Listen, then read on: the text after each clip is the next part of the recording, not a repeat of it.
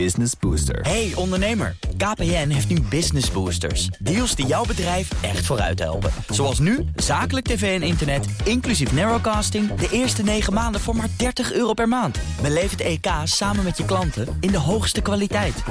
Kijk op kpn.com slash businessbooster. Business Booster. Mobiliteitszaken.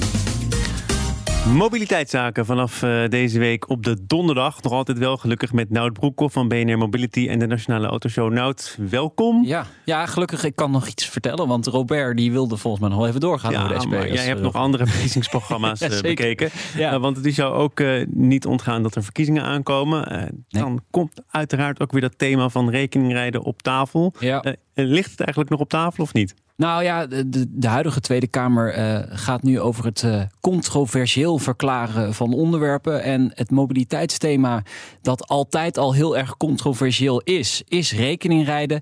En naar verluid, maar daar moet nog over gestemd Nout worden. Broekhoff gebruikt te worden naar verluid. Naar verluid, ja, eh, wordt rekeningrijden controversieel verklaard. Dus daar moet dus nog over gestemd worden, maar mogelijk dus controversieel. Als dat zou gebeuren, het controversieel verklaren Ja. van dit onderwerp, is dat dan verstandig te noemen? Ja. Ja, nee, kijk, wat ik al zeg, het is al jaren controversieel. Er wordt ook al jaren onderzoek naar gedaan. Het is veel besproken. 20, 30, 40 jaar ligt het min of meer al op tafel. Eh, het heeft ook enorme grote impact. Het is een grote stelselwijziging. Ehm, het is een ICT-project. Nou, ICT en de overheid, dat is geen gelukkig huwelijk. Het komt ook terecht bij de Belastingdienst. Daar moet ook nog wel wat gebeuren. Dus ja, ik snap wel dat dit eh, controversieel je wordt. kunt ook zeggen, als het zo ingewikkeld is, zoveel tijd vergt, Ja. dan verdraagt dat eigenlijk niet nog weer verder uitstel.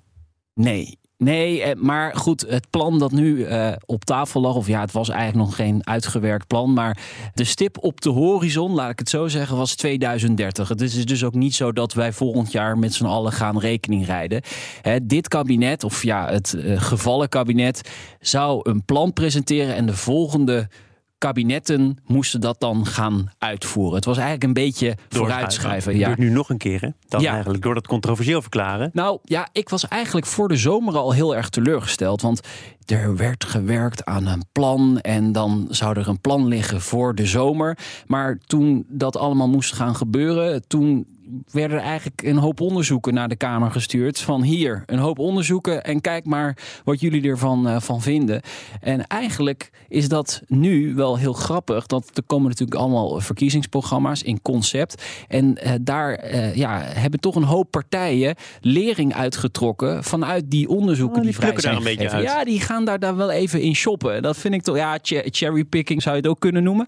Maar die, die onderzoeken die vrij zijn gegeven, zo vlak voor de zomer, die hebben wel gediend als een soort bron van inspiratie. Nou, wat ben je dan in die verkiezingsprogramma's? En misschien doen er wel weer meer dan eh, 25 partijen mee. Dus ik zal je geen huiswerk opgeven om het allemaal te doen. Maar wat ben je tegengekomen? Nou, en, en eh, sommige partijen hebben nog niet eens een verkiezingsprogramma. Ik ben bijvoorbeeld heel erg benieuwd wat omzicht van de autobelasting vindt. En wat eh, de BBB ermee wil. Hè? Want dat zijn natuurlijk partijen die veel eh, stemmen gaan krijgen. En veel zetels mogelijk. Maar ja, eh, het zijn een beetje de geëikte partijen. Eh, Robert had het net over de SP. Nou, de SP is gewoon heel duidelijk. Geen rekening rijden. Maar goed, dat kan dus ook. Eh, de VVD wil het wel. eh, maar alleen als de autobelasting niet verder omhoog gaat. Wat altijd inderdaad een, een thema is bij rekeningrijden. Hè? Want eh, ja, het wordt een, een kilometertarief. En hoeveel wordt het tarief dan? En gaan we dan meer betalen voor de auto? Dus ik snap dat, dat ze dat zeggen. GroenLinks, PvdA wil de invoering zelfs versnellen. Dus niet 2030, maar naar voren halen.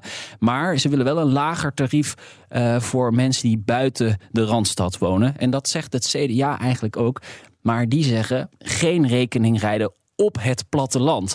Dus ja, daar zou je dan rekening mee, mee moeten houden in het hele plan. Eh, en dat lijkt me dan dan weer wel heel erg lastig. Ja, dan maakt het maar wel er zit natuurlijk een soort boete op het eh, plattelandsleven in. Want die mensen gebruiken relatief veel auto. Kunnen soms ook niet meer rekenen op een goede dienstregeling van Juist. het OV.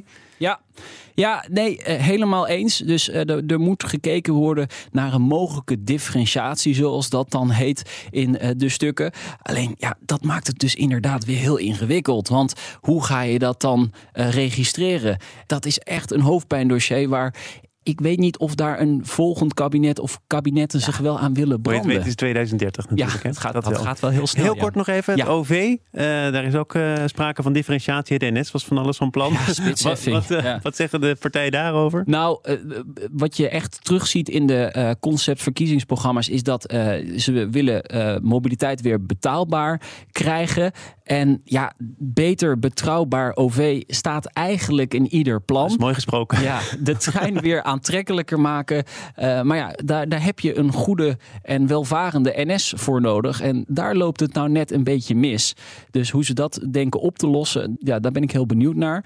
Ja, er zijn ook wel een paar plannen die er tussen uitspringen waar ik van denk, ja jongens, kom op. VVD zegt, eh, we gaan de accijns ver omlaag brengen en de kilometervergoeding in- indexeren.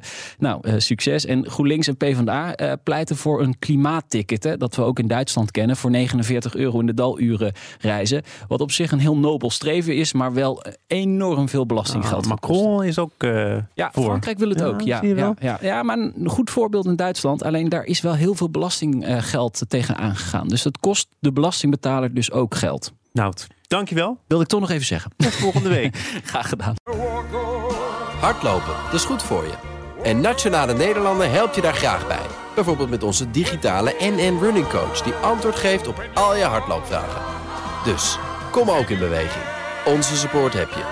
Kijk op nn.nl slash hardlopen.